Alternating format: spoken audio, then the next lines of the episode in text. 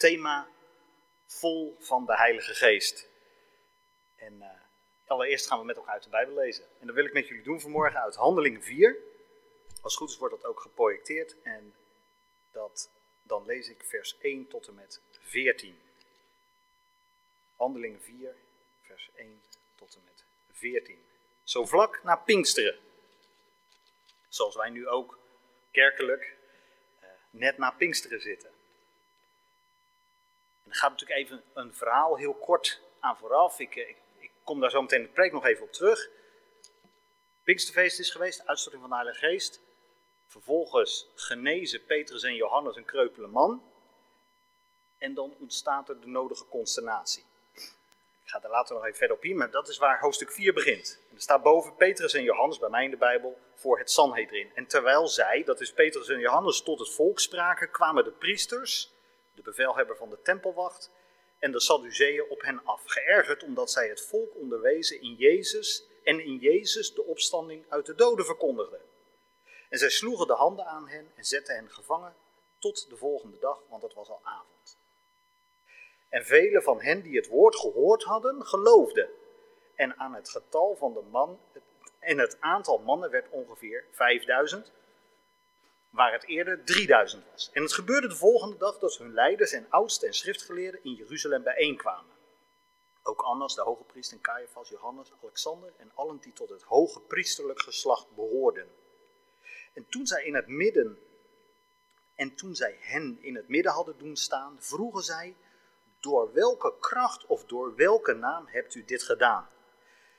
Toen zei Petrus, vervuld met de Heilige Geest tegen hen: Leiders van heel het volk en oudsten van Israël, wanneer wij vandaag ondervraagd worden over de weldaad aan een zieke man bewezen, waardoor hij gezond geworden is, laat het dan bij u allen en ook bij heel het volk Israël bekend zijn dat door de naam van Jezus Christus de Nazarener die u gekruisigd hebt, maar die God uit de doden opgewekt heeft, dat door hem deze man hier gezond voor u staat.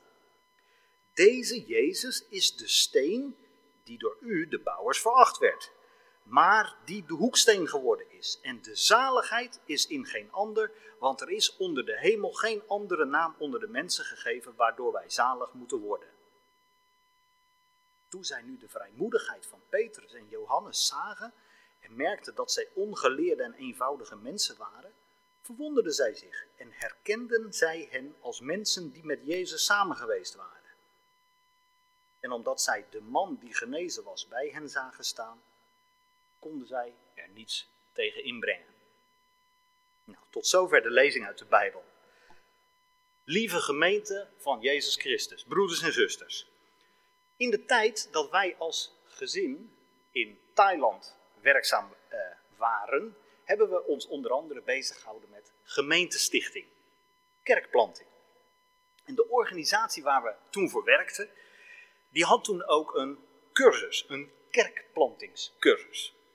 Nou, daar namen wij natuurlijk ook aan deel en dat was om ons verder toe te rusten voor het werk wat we daar gedaan hebben en gingen doen op dat moment. En die cursus, die begon iedere dag, was een week lang als ik me goed herinner, een week lang begon iedere dag met het lezen van een paar hoofdstukken uit Handelingen. Handelingen van de apostelen. Nou, natuurlijk is dat geen handboek over het stichten van gemeentes. Maar het beschrijft wel de vorming van de kerk, van Gods gemeente en de uitbreiding en verspreiding van het evangelie, van het goede nieuws, wat natuurlijk ook gepaard gaat met gemeentestichting. Dus in die zin gaat het boek over de handelingen, de daden van de apostelen, maar ten diepste natuurlijk over de handelingen en de daden van God. Door en na de uitstorting van de Heilige Geest en door de kracht van de Heilige Geest. En daar begint het boek dan ook mee, de handelingen van de apostelen. Het begint met de uitstorting van de Heilige Geest. En verder staat dat boek, Handelingen, vol van de Heilige Geest. En het boek wordt daarom, misschien hebben jullie dat wel eens gehoord, ook wel het boek De Handelingen van de Heilige Geest genoemd. Maar, en wij, jullie hebben daar waarschijnlijk vorige week ook met elkaar over nagedacht, was hier geen kerk, dus ik, ik, wij konden er helaas niet bij zijn. En misschien jullie als je in een andere dienst meegeluisterd hebt of er zelf over nagedacht hebt, maar wat, wat is dat nu precies? De uitstorting van de Heilige Geest met Pinksteren. Nou, ik wil kort met jullie daarbij stilstaan om toch beter grip te krijgen op wat, wat is dat nu precies, de Heilige Geest en wat doet Hij? En dan met elkaar samen te kijken naar Handelingen 4. Kan natuurlijk niet de hele Bijbel daarbij halen, dus we gaan een paar gedeeltes aanhalen. In het begin, ik wilde eigenlijk vandaag eigenlijk op focussen, wat Jezus er zelf over gezegd heeft. En dan beginnen we in Handelingen 1. En ik heb een paar teksten die ik even kort wil aanraken. Wat heeft Jezus gezegd over de uitstorting van de Heilige Geest? Komen we uh, in Handelingen 1, vers 4.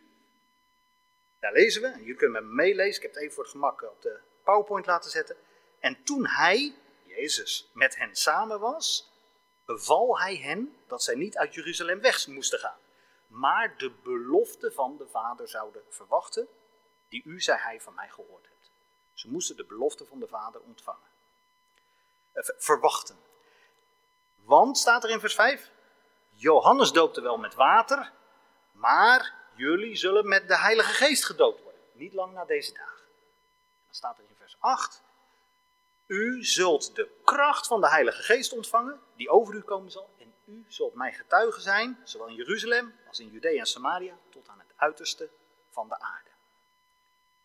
Wat er met Pinksteren gebeurde, was precies wat Jezus voorzegd had.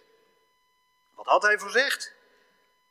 Dat ze werden gedoopt met de Heilige Geest en dat ze zijn kracht ontvingen. En Jezus verbond daar direct aan: jullie zullen mijn getuigen zijn in Jeruzalem, Judea en Samaria tot aan het einde van de aarde. Gedoopt met de Heilige Geest, kracht ontvangen, met ook uitwerking. Maar waar kwam die Heilige Geest vandaan? Komt hij hier ineens, zomaar ineens vanuit het niets voor het eerst? Nou, jullie zullen het wel weten, maar misschien niet iedereen even goed. Dus om goed even te duiden, Nee, de Heilige Geest, die vinden we al op de eerste bladzij van de Bijbel en die vinden we op de laatste bladzij van de Bijbel. En daartussen natuurlijk. In Genesis 1, bij de schepping, lezen we dat de geest van God boven het water zweeft. En we lezen ook bij de schepping dat God de mens de levensadem in de neus blaast, waardoor de mens gaat leven. En dat woord levensadem, dat kan ook vertaald worden met geest. Dat is één en hetzelfde woord. Aan het begin van het Nieuwe Testament, ik kan maar even kort duiden, weten we bij het verhaal van Maria dat de Heilige Geest bij Maria kwam en dat Jezus later of daaruit geboren is. En bij de doop van Jezus, dan zien we ook dat hij gezalfd wordt met de Heilige Geest, die dan ook zichtbaar is in de vorm van een duif. En het is diezelfde geest die met Pinksteren uitgestort wordt op de discipelen, de volgelingen van Jezus.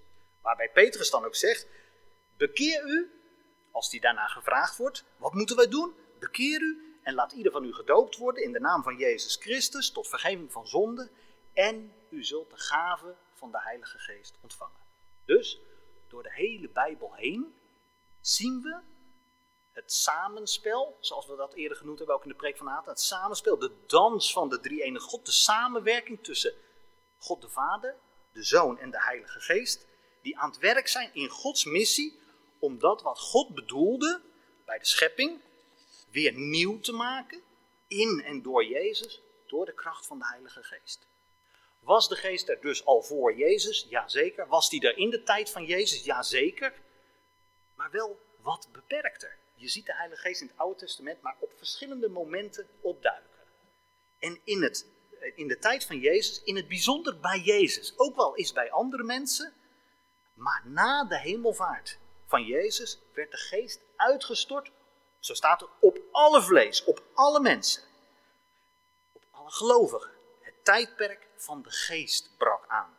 De tijd waarin we de Geest in bijzonder aan het werk zien.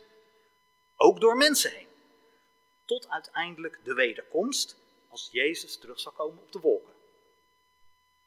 Maar wat is nu precies de Heilige Geest? We hebben al gezien, ik heb het al gezegd, heel kort geduid, dat de Heilige Geest samenwerkt met de Vader en de Zoon. Hij is dus God en werkt samen in de drie-eenheid en is niet zozeer een kracht. Er wordt wel eens gezegd, de Heilige Geest is een kracht. De uitwerking van de Geest is wel kracht, maar vooral de Heilige Geest is een persoon, zoals God een persoon is. Doordat we weten dat er een drie-enige God is, Vader, Zoon en Heilige Geest, waarin gemeenschap een rol speelt, samenspel, weten we dat God een persoon is en niet zomaar een afstandelijk wezen. En daardoor wordt God ook, ja, komt hij dichtbij als persoon. En kunnen, worden wij uitgenodigd om een relatie met deze God te hebben, om als het ware, wat we eerder gezegd hebben, mee te doen in die dans. De Heilige Geest reikt ons de hand en nodigt ons uit om mee te doen in die dans van God, dat samenspel, om één te worden met Hem. Nou, we zien ook verder in de Bijbel dat met de Heilige Geest wel een persoon bedoeld wordt. Wat wordt bijvoorbeeld in de Bijbel gesproken over dat je de Heilige Geest kan bedroeven. En verder worden er allerlei werkwoorden ook aan de Heilige Geest gegeven. Hij bemoedigt, hij troost, hij vermaant, hij onderwijst, hij getuigt, hij hoort, hij zendt uit. Dus de Heilige Geest, um, ja, die, die, die, is zoveel persoon die ook allerlei uitwerkingen heeft. En daarnaast zien we in de Bijbel dat hij ook nog andere termen gebruikt om de Heilige Geest te beschrijven. Vuur, we hebben het net in liederen al een aantal dingen naar voren gezien. Water, lucht, adem, vuur, wijn, olie. Allemaal begrippen die we nodig hebben om de Heilige Geest te beschrijven. En daar zou je nog verder in kunnen gaan, want water soms als dauw of als druppeltjes. Maar Johannes 7 spreekt over stromen van levend water, als over de Heilige Geest. Nou, misschien ben je nu al lost, maar al met al, we hebben heel veel begrippen, een heel arsenaal aan woorden nodig om maar iets te kunnen begrijpen van wie of wat de Heilige Geest is. Wie is een persoon.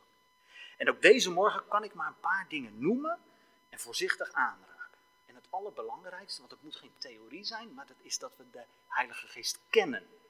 En het werk van de Heilige Geest in ons leven kennen en herkennen. Wat doet de Heilige Geest? Tot slot. Laten we opnieuw kijken naar wat Jezus daar zelf over zegt. ik zeg erbij eh, opnieuw maar een paar dingen op grond van de Bijbel. Ik wil daarvoor Johannes 16 gebruiken. Ik heb opnieuw een paar versen even uh, op de PowerPoint laten zetten dan zegt Jezus zelf over de Heilige Geest, als die hem belooft, het volgende. In vers 8 tot 11. En als die, de Heilige Geest, de trooster gekomen is, zal hij de wereld overtuigen van zonde, van gerechtigheid en van oordeel. Ik vat die tekst even kort samen. Er staat nog iets meer. En dan in vers 13. En wanneer die komt, de geest, de Heilige Geest, de geest van de waarheid, zal hij u de weg wijzen in heel de waarheid. Want hij zal niet van zichzelf spreken, maar wat hij gehoord zal hebben, zal hij spreken en de toekomstige dingen zal hij u verkondigen. En dan in vers 14, en ik vat het zo nog even samen hoor. Die zal mij verheerlijken. Dus drie dingen die ik hier kort wil uitlichten over wat de Heilige Geest doet. We hebben gezien wat, wie wat hij is en wat doet hij. Het eerste, opnieuw geboren worden. Er staat, de Heilige Geest zal de wereld overtuigen van zonde, van gerechtigheid en van oordeel. De Heilige Geest zal mensen overtuigen van hun zonde, maar niet alleen van hun zonde, ook van de redding die er is in Jezus, doordat Hij voor ons gestorven is.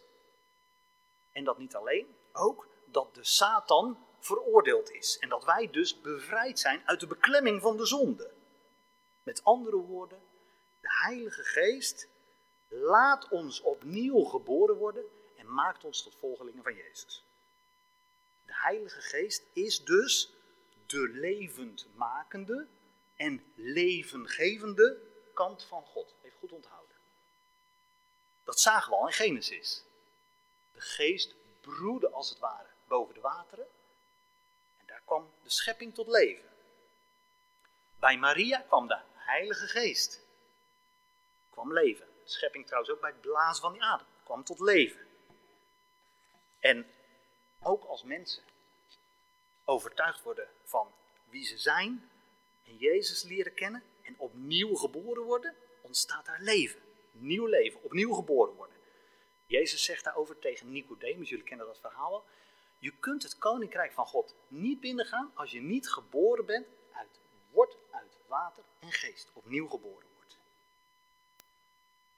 Even een vraag tussendoor. Weet jij nog hoe de Heilige Geest in jouw hart werkte en je tot aanbidding van Jezus bracht? Voor de een misschien iets heel geleidelijks, van jongs af aan af, in een christelijk gezin opgegroeid. Voor de ander misschien veel meer plotseling, op een bepaald moment. Nou, in de tijd na Jezus, na de hemelvaart van Jezus, is de Heilige Geest als het ware degene van de drie enige God die we als eerste tegenkomen als we Jezus leren kennen. Soms zijn we ons dat helemaal niet bewust. Maar soms werkt die Heilige Geest al in ons hart en opent ons hart voor Jezus. Zodat er nieuw leven geboren kan worden. Dus het eerste punt is, wat, doet de Heilige Geest? Opnieuw geboren worden. Wat doet de Heilige Geest ten tweede? Dat hebben we gelezen. De Heilige Geest zal de weg wijzen in heel de waarheid. De Heilige Geest zal de weg wijzen. Ik hoorde iemand ooit het beeld gebruiken van, ehm, je kan wel een routekaart hebben, maar je hebt ook een kompas nodig. Innerlijk kompas als ware, de Heilige Geest, die je de weg wijst. Nou, ieder voorbeeld gaat natuurlijk een beetje mank, maar je begrijpt wel wat er bedoeld wordt. Je kunt wel een routekaart hebben, maar je hebt toch ook sturing nodig om daadwerkelijk richting te kunnen bepalen. Om die kaart te kunnen lezen, weten dan welke kant je op moet. De Heilige Geest zal de discipelen en ons dus leiden in, staat er, heel de waarheid. Dat klinkt best wel massief, hè? Heel de waarheid, heel absoluut. Maar we moeten goed lezen in Johannes, want als Johannes het heeft over waarheid, haar waarheid, dan gaat dat niet alleen maar over ontegenspreken, of de, feiten die je niet kunt eh, ontkennen of niet kunt tegenspreken. Maar wat staat er in Johannes? Jezus zegt: Ik ben de weg, de waarheid en het leven. Dus bij Johannes gaat het niet alleen hè, om zomaar feiten, maar ook om een persoon, om iemand. Dus als de Heilige Geest ons leidt in alle waarheid, dan kan het betekenen dat het de woorden van Jezus levend maakt in ons. Maar tegelijkertijd hebben die woorden ook een uitwerking in ons leven. We worden getransformeerd door die woorden. Die krijgen betekenis. Nou, als de Heilige Geest ons de weg wijst, met de woorden van God of op zijn eigen manier, ja, maar hoe ziet dat er dan uit in de praktijk? Nou, ik, kan maar een voorbeeld noemen. Ik ontmoette ooit iemand, even terug naar Thailand, daar hou ik het vandaag even bij. Daar ontmoette ik een vrouw, Naomi.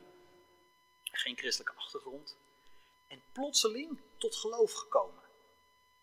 En wat ze mij vertelde, wat haar inzicht was ook van de, van de Bijbel. En het was werkelijk waar ongelooflijk. Ze was nog maar zo kort tot geloof gekomen.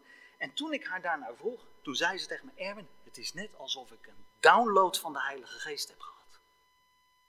Als ik naar mezelf kijk, is dat heel anders gegaan. Ik ben in een christelijk gezin opgevoed. Ik heb als het de woorden van God met een paplepel ingegoten. Ik ben later tot een persoonlijk geloof echt gekomen. Jezus leren kennen en werden die woorden levende woorden. Maar die woorden kende ik daarvoor al. Dus voor mij persoonlijk is dat heel anders Maar wat we zien, ook bij die vrouw, die Naomi waarover ik het had, die woorden waren niet alleen maar een soort waarheid, die transformeerden haar leven. Die kregen uitwerking. Want wat ging ze doen? Ze ging zich ontfermen over armen. Ze heeft mede geholpen om Alpha-cursus in Thailand op. Ze werd enorm bewogen met mensen en deelde het evangelie. Dus wegwijzen in heel de waarheid, niet alleen maar een soort waarheid van een aantal feiten, maar heeft een transformerende impact in ons leven. Het derde, wat de Heilige Geest doet, staat er in die verse, dat de Heilige Geest Jezus zal verheerlijken. Het hele bestaan van de Heilige Geest, dat is belangrijk, is er gericht op het verheerlijken van Jezus, de Zoon. Dat is de grote blijdschap van de Geest.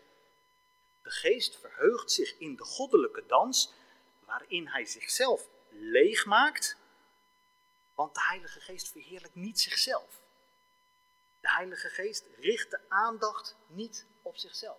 Laat niet heel prominent zijn gezicht zien. Daarom spreken we ook zo vaak over de werking van de Heilige Geest, dat wat hij uitwerkt. Want wat doet de Heilige Geest? Hij wil Jezus laten schitteren voor onze ogen. Hij wil Hem laten zien, zodat Jezus op onze beurt weer verheerlijkt wordt door ons en in ons leven. Natuurlijk zou ik er nog veel meer over kunnen zeggen, over de Heilige Geest, maar die drie dingen. Ehm, als ik het samenvat, en dan gaan we snel naar Handelingen 4. Ik hoop dat jullie er nog bij zijn. Wat hebben we gezien van de Heilige Geest? Het is een persoon in de drie-enige God. Die was er al vanaf het begin van de schepping. Die was er bij Jezus, maar die is er met Pinksteren als het ware nog in ruimere mate. En die blijft ook bij ons. Die gaat niet meer weg, want dat heeft Jezus zelf beloofd. Ik ben met jullie door zijn geest tot aan het einde van de wereld. En wat doet die geest? Werkt dat mensen opnieuw geboren worden. En hij leidt en heiligt het leven. En hij verheerlijkt Christus, Jezus. Door niet de aandacht op zichzelf te vestigen, maar licht op Jezus te laten schijnen. Nou, snel naar handelingen 4. Wat is er nu terechtgekomen van die prachtige belofte van Jezus? met de belofte over de Heilige Geest.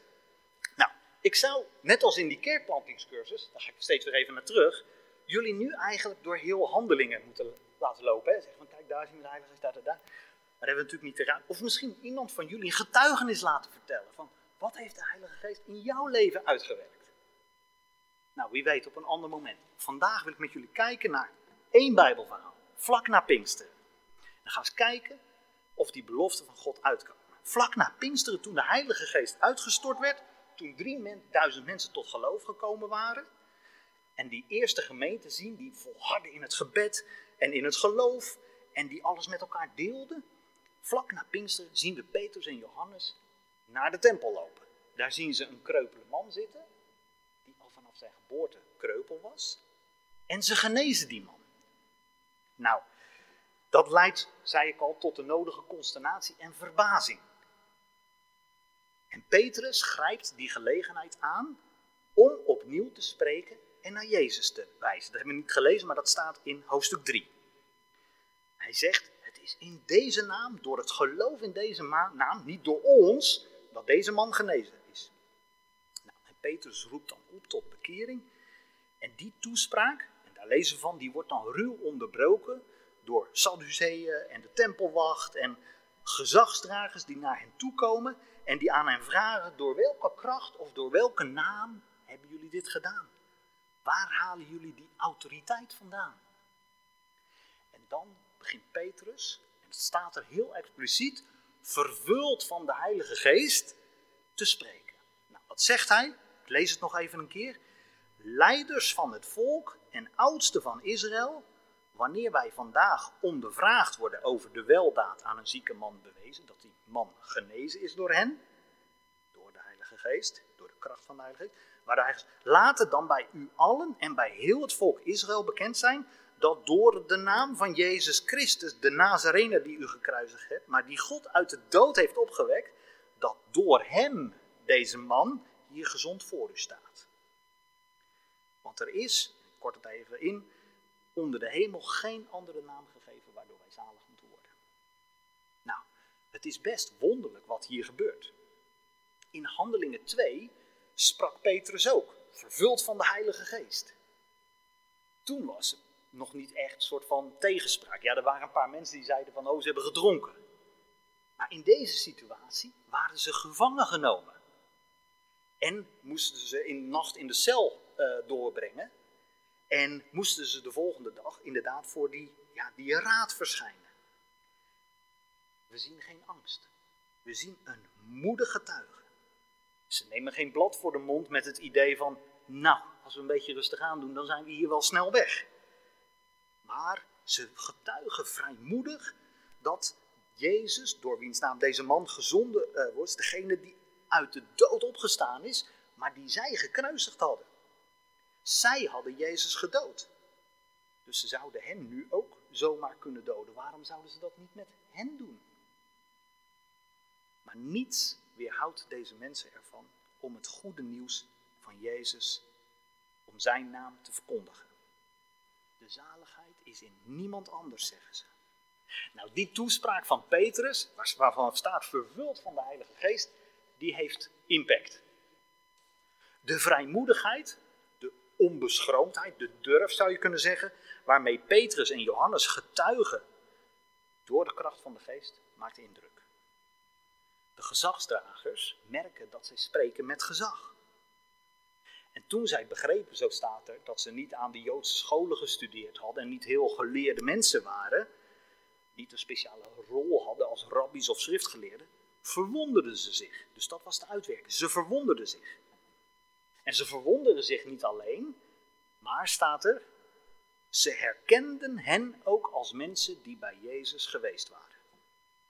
Met andere woorden, ze herkenden hen als mensen die bij Jezus hoorden. Nou, volgens mij kun je niet als christen geen groter compliment krijgen dan dat iemand tegen jou zegt: Volgens mij hoor jij bij Jezus. Deze mensen dachten juist van Jezus af te zijn. Hè? Weet je nog dat die wachters die ze voor het graf gezegd hadden, um, gekomen waren en weggerend waren en dat ze dat verhaal maar in de wereld geblazen hadden, dat de discipelen s'nachts gekomen waren, dat zij in slaap gevallen waren en dat uh, uh, zij Jezus lichaam gestolen hadden om dat verhaal van Jezus opstanding maar in de kiem te smoren. En ik denk dat ze gedacht hebben dat dat nu wel klaar was. En wat gebeurt hier?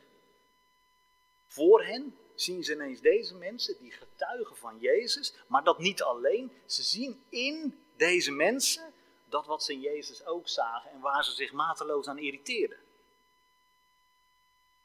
Nou, wat we zien in dit Bijbelgedeelte is het werk van de Heilige Geest in uitvoering. We zien Petrus en Johannes, vervuld van de Heilige Geest staat er, getuigen. En wat gebeurt er? Staat er in vers 4. Mensen komen tot geloof. Niet allemaal. Hè? Want die schriftgeleerden, en die, die worden alleen maar boos door die reactie. En die gaan vervolgens verbieden dat ze het nog mogen spreken. En bij hen vindt, maar er staat in vers 4, en vele van hen die het woord gehoord hadden, geloofden. En het aantal mannen werd ongeveer 5000. Het werk van de geest door het woord van Petrus en Johannes opnieuw geboren worden. Nieuw leven wordt aangeboren. En de volgelingen van Jezus, met vervuld met de Heilige Geest, die gaan getuigen van Jezus en van zijn opstand en zeggen dat er alleen bij hem redding te krijgen is. Niet alleen genezing, maar veel meer. Een totale redding. En er gebeuren wonderen. Die man die wordt genezen. Het is een, die kracht geven aan het getuigenis over Jezus. En wat doen de discipelen? Die zeggen niet, niet door onze kracht. Nee, dat is door het geloof in zijn naam. Het is door die naam dat die man genezen is. Dat is toch ook het werk van Die sprak toch ook niet van zichzelf. Die wees toch niet naar zichzelf toe, maar die wilde juist Jezus verheerlijken. En dat is ook wat we hier de discipelen zien doen. En dat, dat had Jezus ook gezegd. Die zal mij verheerlijken, de Heilige Geest. Nou, de Geest wijst van zichzelf af. En zo ook doen Petrus en Johannes. En tot slot, we zien ook een enorme transformatie bij Petrus en Johannes. Van bang verlogenend, ik ken hem niet, tot hier een moedig, ja, eigenlijk onbeschaamd getuige terwijl ze gevangen genomen zijn.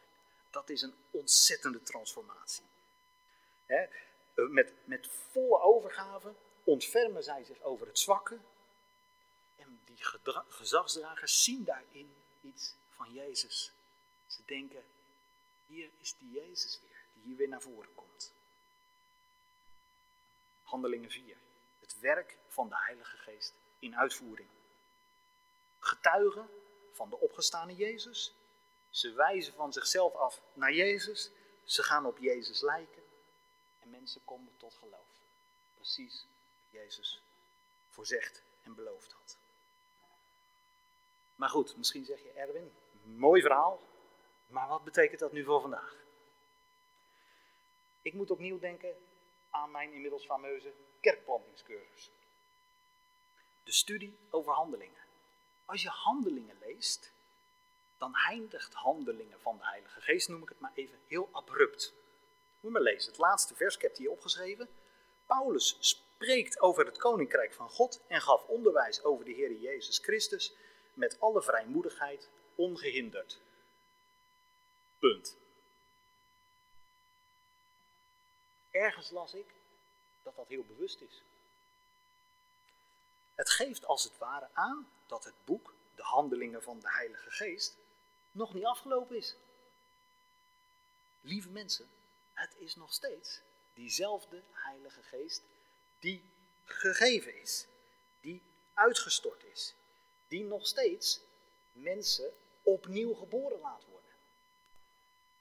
Toch gebeurt het nog steeds? Ja, dat gebeurt nog steeds. En die niet alleen mensen opnieuw geboren laat worden, die ook levens transformeert. Die mensen uitnodigt om een relatie aan te gaan met God. Om mee te doen in die dans met de drie enige God. Zodat mensen God gaan verheerlijken. Zoals de Heilige Geest ook Jezus verheerlijkt. En het is Gods verlangen dat we Hem verheerlijken en steeds meer op Jezus gaan lijken.